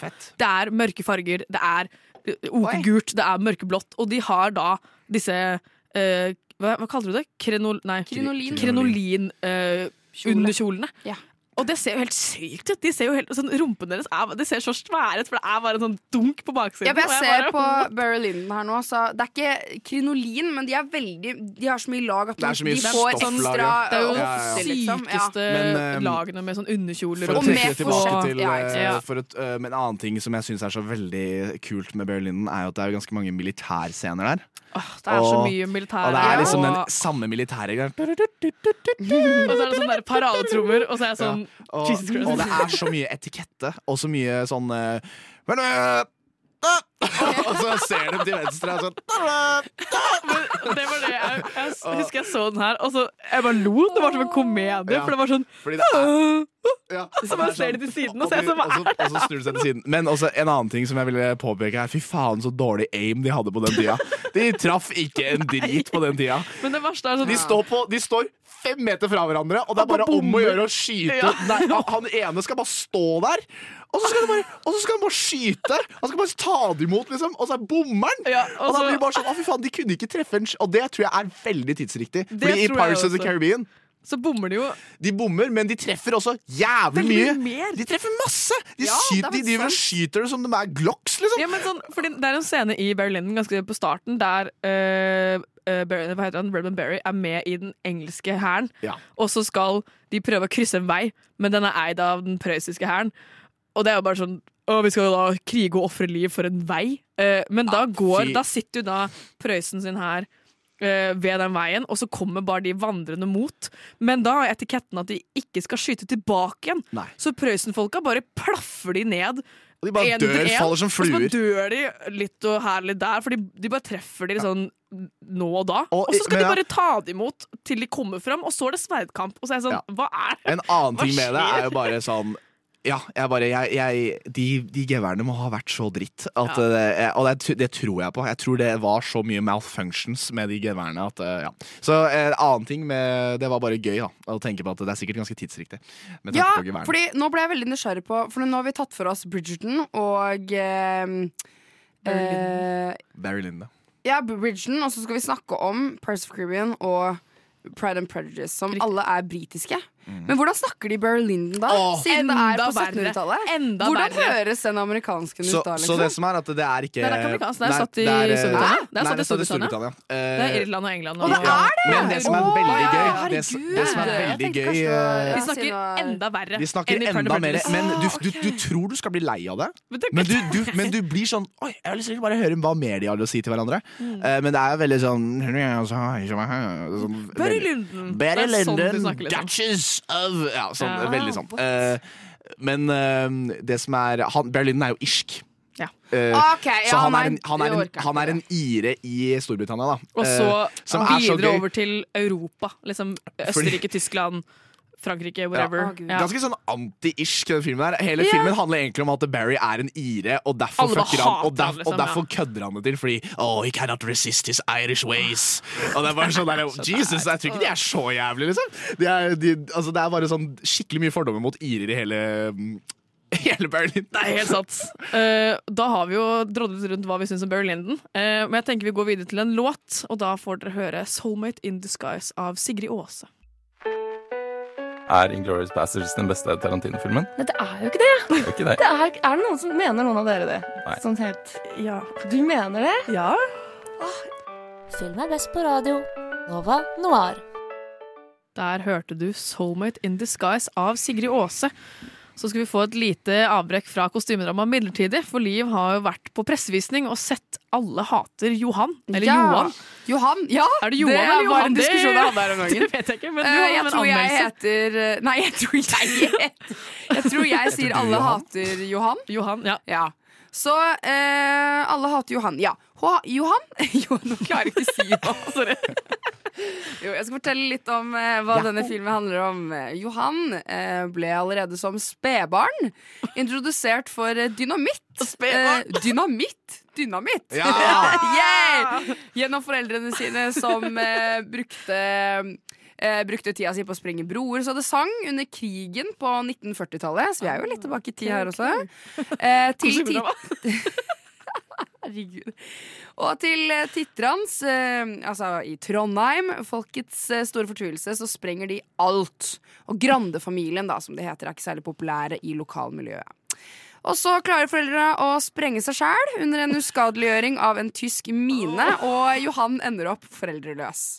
Men han har jo heldigvis eh, dynamitt, som han klarer seg fint med. Hesten sin Ella og sin forkjærlighet til nabojenta Solvår. Og noen år senere, når Solvor og Johan er blitt tenung, tenåringer, og de kysser og sprenger om hverandre, så Oi. går det galt, og Solvor sprenges. Hun overlever, da. Men blir lenka til rullestol og får varig men i halve ansiktet. Og Johans popularitet synker betraktelig. Herregud Og det skulle man nesten ikke tro var eh, mulig. Men han stikker da til Amerika, der han blir betalt for å sprenge til ting. Til hans store fordel. Når han kommer tilbake igjen et par tiår senere, så er han ikke særlig velkommen. Verken av Solvår, som han ville prøve å overvinne nok en gang. Spesielt ikke postmann Frode, i likhet med de fleste andre i lokalmiljøet. Ellers blir det viktigste for Johan å prøve å føre Grande-slekta videre som den siste i hele slekta. Wow. Det her er en veldig lang eh, introduksjon. Eh, fordi det var en relativt lang film til Ja. å være en og en halv time. Var den bare det? Så, han Oi. hadde? en og en halv time. eh, men den føltes veldig lang. Mm. Men eh, jeg kosa meg masse. Så du, likte, du Eh, likte den? jeg likte den Ja, veldig godt. Det er jo Erlend Lo som har skrevet manuset til filmen, eh, faktisk. Mm. Eh, han er jo trøndersk. Og filmen Ja. er på trøndersk. Er det, ja? Og det at filmen var trøndersk, gjorde den bare enda morsommere. Men er Pål Sverre Hagen trønder? Eh, nei, nei, nei. Så han har er jo, lært seg det, det her er jo gøy, ja. Fordi eh, det er jo Halvard Witzøe som er regissøren. Han har jo fått med seg egentlig ganske stjernespekka skuespillere. Eh, ordentlig stjernelag. Eh, som jeg syns gir veldig gode prestasjoner i filmen. Vi har jo Ingrid Bolse Berdal. Hun spiller Solvår. Vi har Ine Jansen, som spiller moren til Johan. Vi har Jon Brungot, som spiller eh, Frode. Yes, eh, postmann Frode. Jeg skulle til å spille Jeg hopper Jon Brun. Er han som spiller Frode. Ja. Så har vi Paul Ottar Haga, som spiller faren til Johan. Hæ, og så har vi ja. Og så har vi jo da ikke minst Pål Sverre Hagen, som spiller Johan. Og han er jo egentlig eh, fra Stavanger. Ja, men han har jo Men han Stavanger, eller? snakker jo østlandsk hele tiden. Men nå snakka han trøndersk, og jeg bare satt og bare Men var det bra trøndersk? Jeg syns jo det altså- her var kjempegøy. Jeg satt, Ok. bare sånn, jeg satt og tenkte på liksom, hun ene venninna mi. Bare sånn. Og de snakker så bredt også. Sånn skikkelig trøndersk. Uh, Det er gøy. Så jeg likte veldig godt Pål Sverre Hagen. Jeg syns syns alle var veldig flinke til å spille. Men min favoritt var jo Jon Brungot. Uh, som postmann Frode. Han var så Postmann morsom. Han var en sånn liten ekstra Ekstra Jeg så at Jon Eh, Brungot var med, skjønner du, da var jeg sånn, og så sa du at det var en fyr som het Postmann sånn Frode. Og da var jeg sånn, jeg venter på at det er Jon Brungot sin karakter. Så jeg syns det er en veldig sjarmerende og søt og morsom film. Kult. Og så er det jo eh, Det var en gode metaforer, sånn der at når to stykker elsker hverandre, sier faren til Johan når de snakker om dynamitt. Eh, så husker jeg ikke helt akkurat hva det var. Og så er det at de kaller det å kysse er like godt som å spise kake. Og så finner du ut at nei, men ikke fyrstekake, men Kværfjordkake. Så det blir sånn trønderske er vitser innimellom sånn her. lokal Så jeg tror, humor, ja, jeg tror liksom. Moe har sittet og kosa seg litt mens han har skrevet Hva har liksom. med det her inne i filmen. Men den har jo fått ganske bra eh, reviews og terningkast. Ja, den har fått fem av ja. både Federlandsvennen, Stavanger Aftenblad og Trønderavisa. Ja, Alle har gitt den fem. her og der. Noen jeg også ville gitt den en, en, en femmer, for jeg syns kanskje den var litt lang. Ja, Men veldig sjarmerende mot slutten. Jeg lo masse.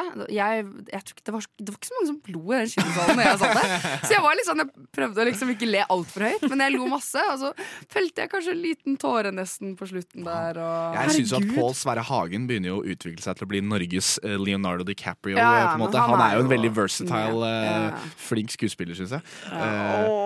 Han er jo jeg, jeg har så mye å si om det. Og jeg serr. Nei, men Pål Sverre Hagen spiller jo alltid nevrotisk nordmann. Har du sett The Middleman?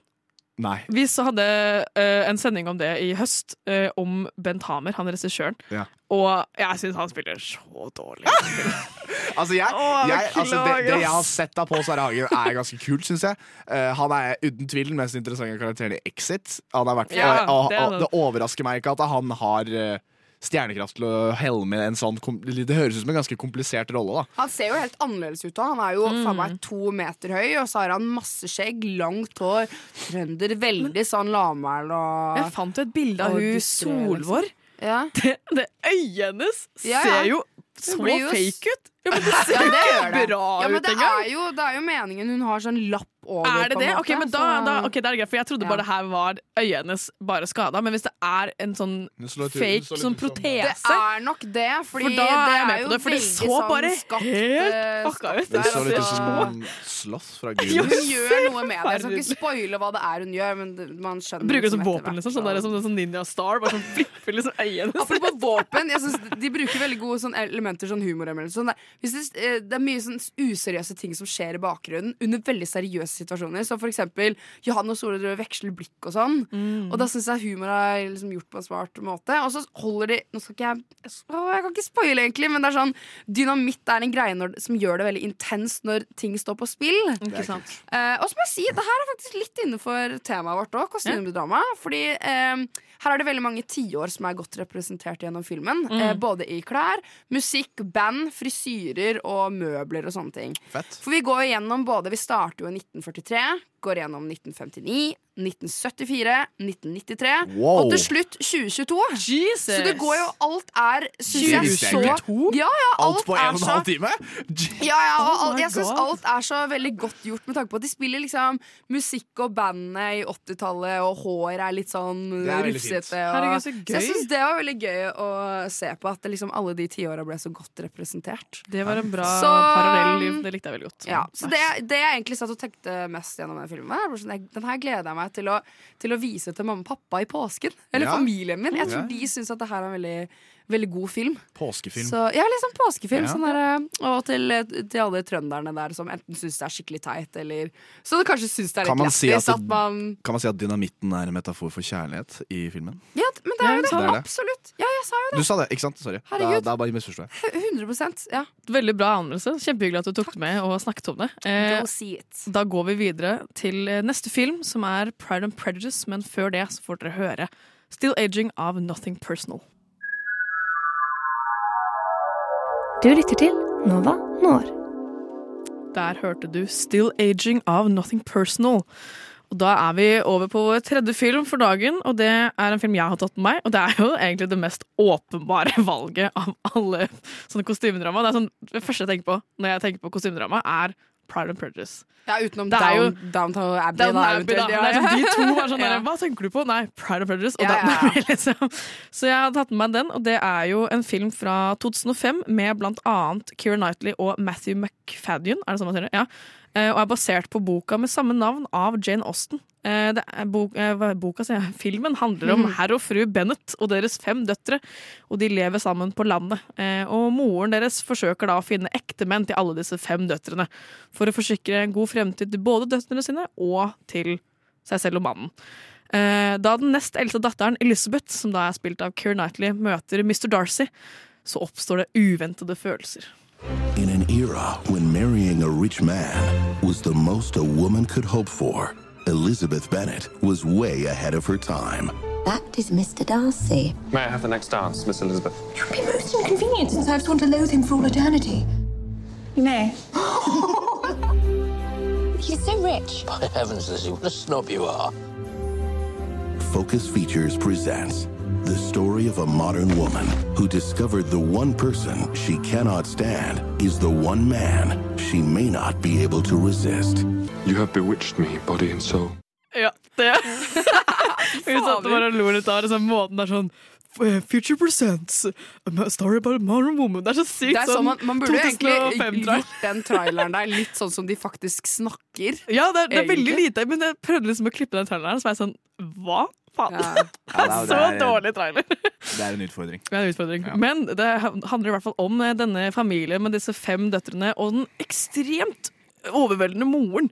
Hun mora er jo all over the place. Ja. Hele tiden. Det er det her sånn, er også litt sånn som i Bridgerton. ja, for det er sånn Moren greie. prøver jo Ja. liksom, holdt jeg på å si, å selge bort døtrene sine, men som å Ja. finne menn til de som er rikere enn henne, og som er hyggelige folk. da. Det er sånn, det er en av døtrene, hun yngste av dem, Lydia, som bare finner han der ekle soldaten og stikker av med han. Men utenom det så er det liksom, målet er å finne ektemenn til døtrene sine, og det er det eneste hun bryr seg om. Og det er jo kjempetidsriktig, men det er bare så intenst. Hun er så intens!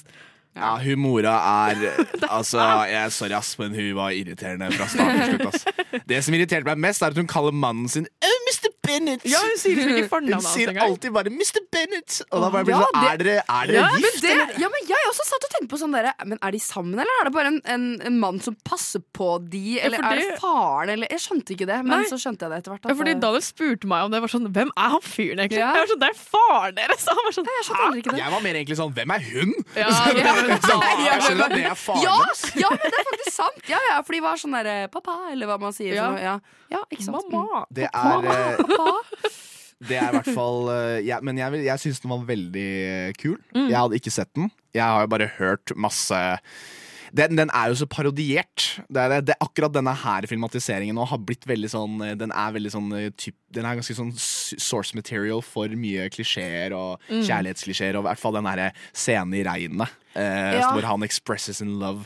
Og den har jo blitt parodiert så mye, liksom. Ja, fordi jeg så den her for ikke så lenge siden. Og det var alle sånn der, Hæ, har du ikke sett det? Jeg følte at det var en film En typisk kostymedramafilm som man eh, skulle ha sett for lenge siden. Eller som man bør ha sett. Jeg var sånn, jeg har ikke sett den. Kjemperart, for jeg elsker Keira Knightley. Hun er kjempeflink Jeg elsker henne i eh, Paris of Caribbean òg. Ja, ja, hun er helt syk. Elizabeth. Hun heter. Elizabeth i både Ja, den her ja, ja, ja. og i Paris. I den her heter hun Elizabeth Bennett, og i, den andre, i Paris er hun Elizabeth Swan. Ja, så, så jeg, når jeg så den også, var jeg sånn ah, Det her var jo litt klisjé, det her har jeg sett før. Og så tenkte jeg sånn Nei, men den her er jo ganske gammel, så det er egentlig alle andre filmer som er litt sånn sånn, ja, sånn som det med regnet og sånne ting. Ja, for den er jo 23 år gammel. Den, den er 22, mener jeg. Ja. Det er jo Nei, nå bommer jeg. Hvor gammel er den? 12 år? Herregud, jeg kan ikke regne. Den er, gammel er den? 17 år gammel er den. Nå, nå har jeg klart Har du bestemt deg? Den er 17 år gammel. Den er er gammel, i hvert er fall. Den, er- den, er- den er et par år, ja. Men det er eh, Den er jo så gjenbrukt, på en måte. Sånn, han Joe Wright, han uh, regissøren, har jo naila den uh, uh, adopsjonen. For det er jo en adopsjon fra før med Colin Firth som Mr. Darcy. Oh, ja. uh, og den er fra 90-tallet, og den er jo Ja, også sant. en sånn kultklassiker. Men den er også mye treigere. Den er lenger. Det er mye lengre klipping, det er mye lengre scener. Og kostymene er også eldre. Ja. Så de, det er to helt forskjellige filmer, men basert på akkurat samme boka. Eh, så det er jo veldig gøy å se hvordan han Joe Wright har bare revolusjonert det der klisjémarkedet. Og bare funnet opp alle klisjeene, og så har det bare blitt brukt av alle andre etterpå. Det er han, han har bare funnet dem opp og vært sånn Her, vær så god, kos dere med de her senere. Ja, altså, nå ser vi jo også litt sånn forskjell på, på de rike og oppi rangen der. Her er det jo veldig sånn de går, de går med veldig mye av de samme klærne om igjen. Det er veldig Ja. sånn brunt og hvitt, og det er litt sånn Askepott-vibes, på en måte. Det synes jeg er veldig rart. Men herregud, så pene de er uansett. Selv om de ikke har smink... Eller Keira Knightley, da, of course. Så det er sånn, det satt jeg og tenkte på når jeg så det, kontra Bridgerton, for eksempel. Da. Jeg eh, ble veldig Jeg likte veldig godt at de, det var tydelig at de var velstående, men ikke veldig velstående. Ja, Det så man i De var ikke fattige, liksom. Nei, men... de var ikke superrike, og som var liksom veldig, er veldig mye av den urgencyen for å gifte bort disse døtrene, så Ja. de kan få 5000 nye. Ja. Ikke sant? Og det er hele tida oh, we're gonna get 1500 nye. men sånn, Og- penger, hvor mye penger får vi? Ja, hvor mye er penger min verdt? Liksom? Ja. Men det jeg la merke til, var jo De har jo fem døtre. Og de er sånn midt på tre velstående. Det er sånn, det er han øhm, fetteren deres, han som er skikkelig ekkel, han presten, han er jo sånn ja, det er god mat dere har laget. Og så sier han faren bare sånn Jeg har da råd til en kokk, liksom. Så han de er jo ikke så fattige at de ikke har råd til liksom, Nei, nei, hva skal jeg si, personale. For å si det på den måten De har jo tjenere og folk som kler dem opp, og kokker og sånn. Men de er bare sånn midt på treet, rike. Men det jeg la merke til mest, var fordi de fem døtrene er så forskjellige, så har de så kledd dem opp i forskjellige klær.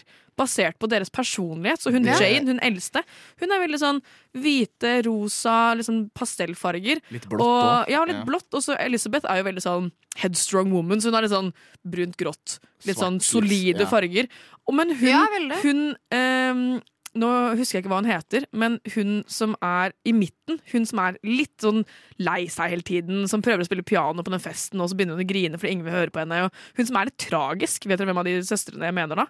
Hun som er liksom i midten. Ja, ja, ja. For det er to yngste søstre, og så er det er jo jo- Jane Elizabeth, og så er det hun i midten. Hun går alltid i litt off fashion-klær. Hun henger ikke med på Er det den hun Jenna Malone eh?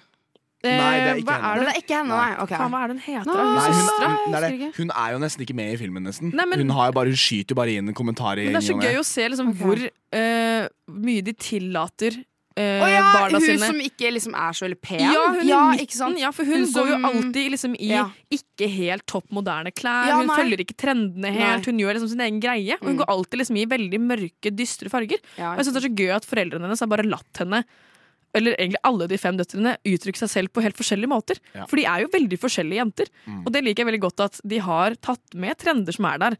Men de har sånn plukket ut noen trender til hver av døtrene Ja. som passer de som person. Så Ikke du får liksom se Ja, Eh, I motsetning til Bridgerton, da, der alle er kledd opp helt likt. Alle er det samme. Det er bare farger. Der er det liksom sånn du, du får se de forskjellige nyansene av trender, og hvordan folk faktisk hadde egen smak. For det glemmer man jo. At folk har jo personlig stil. Og det syns jeg Pride and Prejudice er veldig god til å dra fram. Også med Mr. Darcy og han Mr. Bingley. De er, også, de er jo like rike og på samme sted, men Mr. Bingley har jo masse blå klær, veldig høye krager, liksom Super fine boots. Mens. Mr. Darcy er litt mer sånn nedtona, bruker litt mørke farger. Ja, ikke så mye accessories, men det er jo fortsatt samme perioden. Og det liker jeg veldig godt. Ja. Jeg, jeg synes eh, Jeg er helt enig med deg. Eh, jeg tror eh, Det jeg savner i Pride and Prejudice og Bridgerton, er eh, gjørme. Jeg Nei, nei, men Elisabeth går jo til Mr. Darcy i støvler. Det er sant. Hun kommer jo gående i, Ja, det i høye støvler. Ja, ja, Men- Og da trasker du i gjørme, liksom. Jeg trenger mer gjørme. Ja, men de må rulle litt Jeg mer trenger, jeg trenger uh, skikkelig Ah, men da må du se Bridgerton sesong to! Ah. Liten teaser. det, det er så bra. Det er masse gjørme i Bridgerton sesong to. Så det må Så- du nesten må du se på.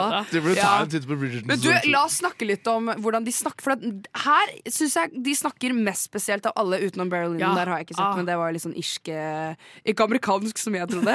Men uh, de, er- de snakker sånn litt sånn Shakespeare-aktig, yeah, ja. hvis du skjønner. Sånn yeah, derre uh, Å, kan ikke vi ta en sånn dialog, vi, da? Ja, uh, Ja, men ja, for du fant jo en- sånn ja. dialog, du, Liv, som vi, skal ta tar et nå. lite, her nå Det er jo nå. kjempegøy. Det er faktisk gøy. Skal vi se vi, om vi kan gjøre en god impression av det. Ok, skulle jeg bare Du kan være forteller. Jeg er forteller. Ok, eh, jeg må bare se litt Hva her. forteller på Eh, engelsk. Narra- Kjør narrator. You're ja. narrator. eh, near Ok, the end ok, of er the book. klar? Ok, Ok, vi klar. Er vi britisk nå. Ja. Tre, to, én. Near the end of the book, Elizabeth asked Darcy. When you had once made a beginning, but what could set you off in the first place? To which Darcy replies. I cannot fix the I cannot fix on the hour or the spot or the look of the words which lay the foundation. It is too long ago. I was in the middle before I knew it had begun. Visste ikke at Mr. Darcy var blitt 80 år plutselig. Men det er Mr. Darcy, du kan bare? Forsto du noe av det? Nei. Ikke sant? For at Nei, du må, vet du hvorfor? Fordi vi har ikke på oss kostymene. Vi, har ikke, vi, er ikke, vi sitter ikke ute på et jorde et sted. Vi sitter i et studio på Majorstua! Det, det, altså, det, det fungerer ikke. Vi burde jo faktisk bare ha kledd oss opp. Ja, men det som er gøy, er at han sier jo sånn derre Når de skal erklære kjærlighet til hverandre sånn You have bewitches me in body and soul, Ja. and I love, I love, I, love you. Det, det, det, From the first moment ja. I met you, your arrogance and conceit, your selfish disdain for Er the feelings of others made me realize you were the last man in the world I could ever be privileged upon to marry. Det var sånn Så dramatisk. Men tenk å få en sånn kjærlighetserklæring nå i 2022 Om du av hadde en sagt meg 'you have bitch me body and soul', jeg hadde smelta på flekken. Ja, ja, men jeg også tror jeg var sånn der Å, herregud, det var da voldsomt til Du sa, kjærlighetserklæring, det, liksom. du sa det nå, Karin, men det er jo det eneste som mangler nå. Vi skulle jo hatt på oss eh, Vi skulle jo hatt på oss noe kostymer i dag. Ja, egentlig, ja, så gøy. Eller dere- dere skulle- Dere skulle hatt på dere kostymer, fordi jeg sitter her i nikkers, og det er ingen som har sagt noe. Uh, så det er ingen, som, en ingen som liker nikkers. Det er en løgn. Så jeg sitter her i trenchcoat og der. Og med det så tenker jeg vi går videre til vår siste Prime. film. vår siste film for dagens sending. Men før det så skal vi høre Does It Even Matter av Finding Neo. Nova Noir.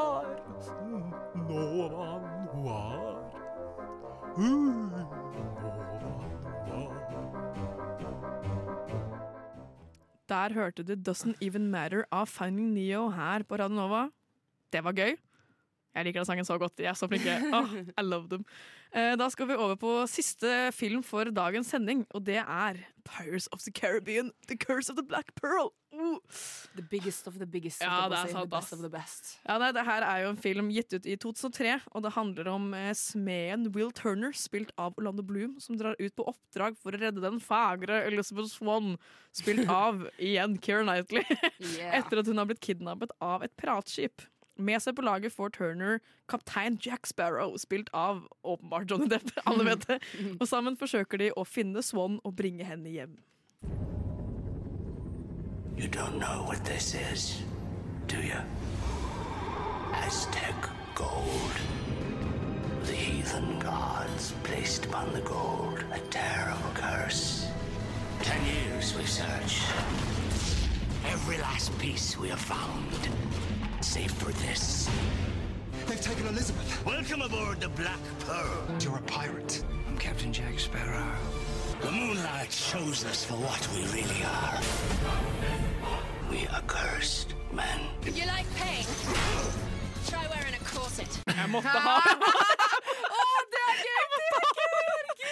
fordi eh, Igjen da, tilbake til eh, hvem s- Altså, besvimer Ja, i serie to her, liksom. akkurat det samme. Jeg, måtte bare, jeg beklager at den traileren var så sykt hakkete, men den var så vanskelig å klippe, for det skjer så mye greier. Det er nesten ingen dialog, det er bare sånne spoiler-scener fra alle liksom, eh, slåssescenene. Så det var nesten sånn Du må bare eh, kill your darlings, for å være helt ærlig. Ja. Velge det som er fetest. Men jeg måtte, fordi vi skulle ha om Ja, kostymeprogrammet, ja, så måtte jeg ha med sånn derre You want, you want to know what pain feels like? Try wearing a corset. Jeg var sånn, Ja. Det er så Det må vi jo ha med. Har du prøvd det før? Aldri prøvd korsett. Har du prøvd? Of course har jeg prøvd et korsett. Jeg har bestilt et ny Har du? Ja, jeg tror det. fulldekkende, eller bare sånn rundt midjen? For det finnes jo to forskjellige, liksom. Litt uh, begge Litt usikker. Vi Begge har det hjemme av en grunn. Ja, mamma har masse Liva. jævlig rare kostymer. Men ja, det er, uh, det er ikke digg, nei. Nei, det tror Altså, jeg du på. ass. f- får liksom fin midja, liksom. Nei, faen, er det ikke verdt det? Men hvis du, siden du har prøvd med det nå, litt har du, 2022. har du, Jo, men det er blitt veldig moderne Sånn i eh, Jo, det er blitt veldig moderne i alternative miljøet. I Ja, goth-miljøet, blant annet. Der er det veldig det vanlig å ha liksom en vanlig kjole og så et korsett over det. Men du som har prøvd det, Liv, har du søttet i det? Liksom søttet i ned? Er det vondt å sitte i et korsett? For jeg føler alltid er sånn Du Ja. hadde jo most alt hele tiden uansett, men når du sitter, så setter du, du Altså, setter deg det, ned. altså, og det er jo sånn, helt sant. Du får jo ikke puste. Nei, ikke Du blir jo Ja. helt sånn Å, jeg hadde vært Sitter jo sånn, på en måte. Så det er sånn der, Det at folk gikk med det Hver dag, altså, hele tiden. hver eneste dag, 20, ikke 24 timer i døgnet, men liksom hele dagen. Oh my god, Hvem var det som fant på det? Altså, Og så lurer er jeg på, jo- Valgte de det selv, eller var det fordi at eh, det var, de, det var det de selv syntes var fint? Eller var det det mennene syntes var fint? Hvis man Jeg- skal gå inn sånn- på der på en. Sannsynligvis en kombinasjon av begge deler, vil jeg tro. Ja. For jeg tror det begynte med fashion. Ja, og så tror tror jeg det det, bare altså. gikk over til at det ikke var så stramt, men at det Ja. var for støtte. Ja. Og så tror jeg de bare gikk vekk fra det, og så fant de ut at BH er jo en ting som eksisterer. Ja. Kanskje vi bare skal bruke det i stedet for. Eh, så ja, jeg Men tror i det var det. fall, ja, kostyme her Det her er jo uh, i, på uh, 1700-tallet. Midten, er ja. ja, 1720, da. Ja, så det her, det her er det tidligste av alle filmene vi Ja, har snakka om nå. Og det ser man jo på kostymet. Der er det både korsett og det er Altså, det er jo en scene i denne filmen hvor Elizabeth Swan eh, har på seg dette her eh, veldig diskuterte Yeah. korsettet vi snakker om nå. Eh, Yes. og hun eh, besvimer. Og eh, blir vel reddet av ingen andre enn uh, Captain Jack Ja, ja, Sparrow. skal ikke- Um, og Jack Sparrow. det her setter jo i gang eh, en, et eventyr uten like. Og jeg kan huske si med en gang at når jeg så Pirates of the Caribbean da jeg var sikkert seks år gammel, eller noe, det var jo det mest magiske jeg hadde sett i mitt Ja, ja, liv. ja. Og det, det skjønner jeg jo nå. Det er jo takket være den Mhm. utrolige tidsriktigheten, den utrolige costume-designet, det production-designet. Altså alt. Altså, alt føles ut som det puster og lever Ja. i denne, denne perioden. Da. Ja. Um, Selvfølgelig, det er jo sikkert blitt litt, eh, det er sikkert litt eh, overdrevent på noen steder, men det er jo fordi at rett og slett den, den, denne, altså denne perioden er så Den er dokumentert, men det er veldig mye vi ikke vet også. Men jeg vil si at den her setter jo de- denne, denne piratfilmen setter liksom eh, standarden for hvor, hvor in detail du må være hvis du skal lage et slags kostymedrama som dette her i seinere tid. Da. Som de har gjort tre, fire, fem ganger for mye, Ja. syns jeg. Eh, og, og, alle, du kan, du, og du kan egentlig aldri si noe på den delen. Jeg vil si de har blitt litt for polerte senere. Det er liksom det som er noe nice med de tre første. Eh, de er litt upolerte. De er litt sånn litt småskitne, da. Ja.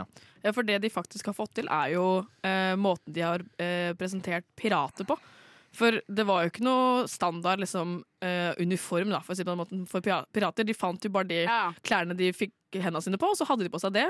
Eh, men det de faktisk har fått til, og det har jeg, har jeg en kilde på, ikke nødvendigvis en veldig pålitelig kilde, men øredobber brukte alle pirater. For de trodde at eh, det å bruke gull og sølv i ørene dine ga deg bedre syn. Nei, yes. Eh, så det var jo en sånn overtro. Eh, og det samme med øyelapp. Det brukte de også, men ikke av den grunn dere tror med at man har skada denne Ja. øyet. Det er faktisk, og det her visste jeg faktisk fra før av, eh, at de hadde øyelapp for at det ene øyet skulle venne seg til lyssettinga oppå dekk. Eh, For der var det jo kjempelyst, og eh, liksom, du måtte jo se langt på havet, og det var ikke noe skyer og sånn. Men når du da skulle ned under dekk, så er det jo bekmørkt. Så hadde de ett øye som hadde vent seg til det lyse, og ett øye som hadde vent seg til det mørke. Så de kunne bare bytte øyelappen på det andre øyet, så de da kunne se under dekk uten å bruke lang tid på å venne seg til lyset. Oh my God, endelig noe kostyme som uh, ikke bare er for pynt. Ikke sant? Det er jo praktisk! Ja, praktisk Det er faktisk også. praktisk. Ja, fordi En praktisk ting som vi ikke har snakka om som eh, ja, praktisk Jo, det skal jo være ment å være prakti eh, praktisk. To, Mm. styk, to ting, faktisk. Og det er sånne vifter. Sånne Ja, for å vifte, og- fordi at ja. de er jo så varme. Og så er det para, eh, paraplyer Mm. som ikke blir brukt som til det som vi bruker nå. For å skjerme seg for sola, liksom. Ja, Ja. er for å skjerme sola, for at de skal jo være bleke. Vet du. Det er Herregud, det men det er er jo en greie nå at folk tar med seg en sånn paraply i Frognerparken, og så sitter de der og er sånn 'Å, jeg tåler ikke sol', og så sitter de gjemt under Ja, sånn det egentlig er veldig sånn typisk sånn japansk Ja, er ting, egentlig. Men det gjør det i hvert fall her. Men jeg må nevne, jeg syns det er litt gøy å se utviklingen av kostymet til Elisabeth. For at hun Mm. går jo fra de der kjolene, bluser og alt sånt her, til når hun liksom blir med piratene. Mm. Så plutselig har hun bukse! Og liksom Ja, ja, ja. sånn at Det er jo en sånn Sykt å bukse, Ja, sånn her, å herregud, Hun har på bukse for første gang, og så ble det liksom en greie. Det er også en stort fokus på at eh, Jack skal ha hatten sin hele tiden. Ja, ja, ja, ja, jeg skal alltid ha Jack. Sparrow. Ja, Veldig. Jack Sparrow. ja, veldig, viktig, ja, veldig viktig at Captain Jack Sparrow får, får, har hatten sin at Ja. all times. Og da begynner du å tenke sånn Jeg vet ikke om det er Det er sikkert ikke backa opp, men uh, du skulle faen ikke miste hatten din eh, back in the day. Ja, men hatt var en Eh, greie før Hatt var en veldig statusting. Ja, altså. Det siste jeg skal nevne før vi avslutter sendinga, er Jeg syns det er så irriterende når de sier at kvinner skal ikke være på det skipet her, det bringer ulykke. Det var kvinnelige pirater. Det er Ja. bevist. Anne Så- ja, og det at de er sånn Nei, vi kan ikke ha noen kvinner her. De ødelegger alt, de vet ikke hva de driver med, og de bringer med seg ulykke til alle oss andre. Og så får de Elisabeth faen meg gå planken. Det var heller ikke historisk eh, korrekt. De bare kastet det over bord. Ja, ja, Det bare stemmer, ta ja. liksom, den tradisjonelle planken. Ja, de var sånn Å ja, fuck deg. Pælme deg over bord, liksom. Så jeg synes det er så irriterende at hun må gå planken, og at hun er sånn Du skal ikke være her, for du er dame. Og så er jeg sånn Jo, hvorfor ikke?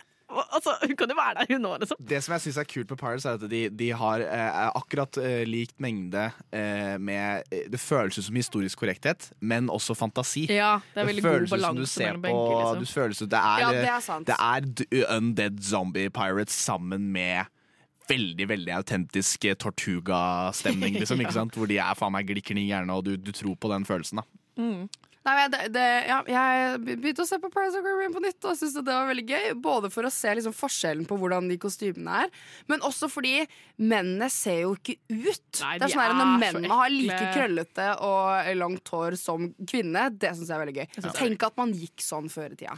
helt Og hvordan har de tid til å drive og ordne seg så mye når de lever med liksom krig og det er sånn der, Da har de ikke noe annet å drive med. Nei, nei, nei, jeg tror ikke de liksom. har noe annet eh, Noe andre Men jeg vet liksom, ikke om det ansvar blir Jeg vet ikke om det, blir, om det, liksom, om det er noe evolusjon holdt på å si på Jeg har ikke sett de siste Percy Caribbean-filmene. Men er alt noe- er vel satt på 1700-tallet, eller? Jo, jo, det er liksom piratia er uh, isolert. Det er eh, 25 år, år, Det er liksom. veldig ja, så isolert det er uh, samme type kostyme hele veien. Bare for å dra alt tilbake inn til alle vi har snakka om. Det som Ja. jeg synes er veldig interessant i egentlig alle filmene, er jo at eh, overklassen er så sykt uh, kuttet av eh, resten av samfunnet. Ja, ja, det er Så akkurat det. De har faen ikke peiling på hva som egentlig Nei, skjer. nei, Og det gjør jo. Pirates of the Car Caribbean veldig bra. For at der har du veldig de der eh, East India Trading Company, fine folka. Og så har du piratene, ikke sant. Og Mm. så har du liksom også liksom Vanlige smed. og Vanlig smed. Og det, det, er, det er tydelig at det, de har, du, du var heldig om du så én uh, velstående person i Ja. livet ditt uh, back in the day, liksom. Jeg syns vi har hatt en ganske god diskusjon, eh, og jeg har kost meg masse med det. Eh, Men jeg tror vi går videre til oppsummering. Men før det så tror jeg vi hører sjakk av Simon Alejandro.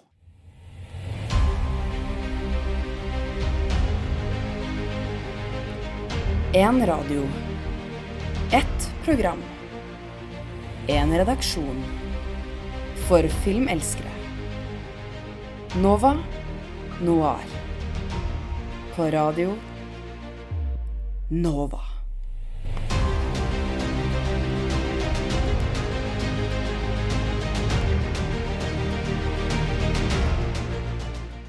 Der hørte du sjakk av Simon Alejandro. Og vi har jo hatt en heidundrende sending, Ja, egentlig. Gud Vi har jo kost oss så mye, Ja. så mye å snakke om. Hatt rollespill og Nei, ja. jeg, jeg har kledd meg opp, og ingen har sagt noe. Hallo, jeg har jo sittet med korsetten nå! Ja, hallo, jeg har jo parykken min, og ingen av dere som har sagt noe. Liv gikk og henta korsettet nedi bilen sin og kom opp igjen. Og hun hadde, hun hadde, hun hadde, hun hadde kors, korsett i bagasjerommet. som Sto her inne og bare så dro det sammen. Og bare sånn! Yes. Så nå, Liv kommer til å passe ut om et par minutter, så vi får forte oss snart. For hvis ikke så Ja, men La oss alle være bare enige at eh, vi, det er kanskje like greit at vi har kommet oss vekk fra Ja, den tida der, eller? Jeg er Hva er det vi ganske sitter med mett, nå? ass. Hettegensere, og tenk Ja. om det var en greie da, liksom. Det har vært sykt. Ja, nei, jeg har kost meg så mye. Jeg synes vi har kommet med så mye bra drøftinger og diskusjoner. Og Og litt sånn fun historical facts. ja, det er ja, jeg syns alle som hadde med seg en liten hver, som var sånn mm, vet dere, oh, Det er gøy. Det liker jeg veldig godt. Jeg skal finne ut av den der kri- krinolinen, eller hva den heter, Ja. når den kom ut. Jeg tror vi alle kan være enige veldig uh, usikker her. Ja. Vi kan Ja. være enige at uh, disse filmene er bra, og, men alle lukta nok ganske vondt. Og det er jeg. gøy, ja, det òg. Ja, det er Keira gøy med Knightley- kostymedrama. Keira Knightley lukta sikkert Absolutt. ganske vondt i Jeg alle de filmene. Det siste vi skal eh, ta opp før vi eh, avslutter dagens sending, er jo eh, Siden det har vært Oscar, så har jo noen vunnet Oscar for beste kostyme og beste hår og sminke. Og det er jo veldig gøy eh, og relevant for vår sending. Eh, og det var eh, Cruella som Ja. vant beste kostyme under Mm. Oscar. Hvem var det som var kostymeansvarlig? Eh, det er jeg ikke helt sikker på. Uh, det fikk nei. jeg ikke funnet ut av. Uh, men jeg vil jo i hvert fall, mens dere finner ut av det, så kan jeg jo si at de andre nominasjonene var jo Dune, West Side Story, Nightmare Alley og Cyrano. Mm. Jeg har ikke sett Dune, West Side Story, Nightmare Alley Cyrano. Ja, jeg har sett Dune, men jeg har ikke sett noen av de andre. Jeg har sett West Side Story. Ja, det er har dere jo- sett Cruella? Nei, jeg ikke sett den, men sett den, eh, jeg vet sant? at den ble ganske populær. Her har vi navn. Det var Jenny Beaven. Beaven Personlig så syntes synes jeg at uh, Nightmare Alley sikkert kunne fått en liten nod, uh, fordi den er uh, i sirkustema. Ja, Men uh, apropos er litt, uh, litt innafor det vi har snakka om i dag. faktisk. Ja, men det er kult. Jeg liker kostymer. Jeg liker også det. Og det Beste, beste makeup gikk til The Eyes of Tammy Faye. Riktig. Det er jo Andrew Garfield og Jessica Chastain. For de ser jo Eh, så gamle ut, men de er jo ikke gamle. Men de har blitt sminka ganske, Ganske utrolig. bra. eh, Ja, bra eh, parykker og bra uh, rynkesminke, holdt jeg på å si. De spiller jo to gærne pastorer på 70-tallet, ja, til 70-80-tallet, tror jeg. Mm. Uh, veldig, veldig spennende. Så da vet eh, dere, kjære lyttere, hvem som vant Oscar, og dere har også fått høre masse av oss snakke og tulle om kostymedrama. I dagens sending så har jeg hatt meg Liv Bakke, jeg har hatt meg Daniel Nilsen, og på teknikk har jeg hatt Ragnhild Bjørlykke. Jeg heter Karin Grette, og med det så sier vi ha det bra og farvel, og vi ses neste torsdag klokken ti. Nova Noir. Nova Noir. Nova Noir. What the fuck? Nova Noir. Vi sitter her hver torsdag fra 10 til 12.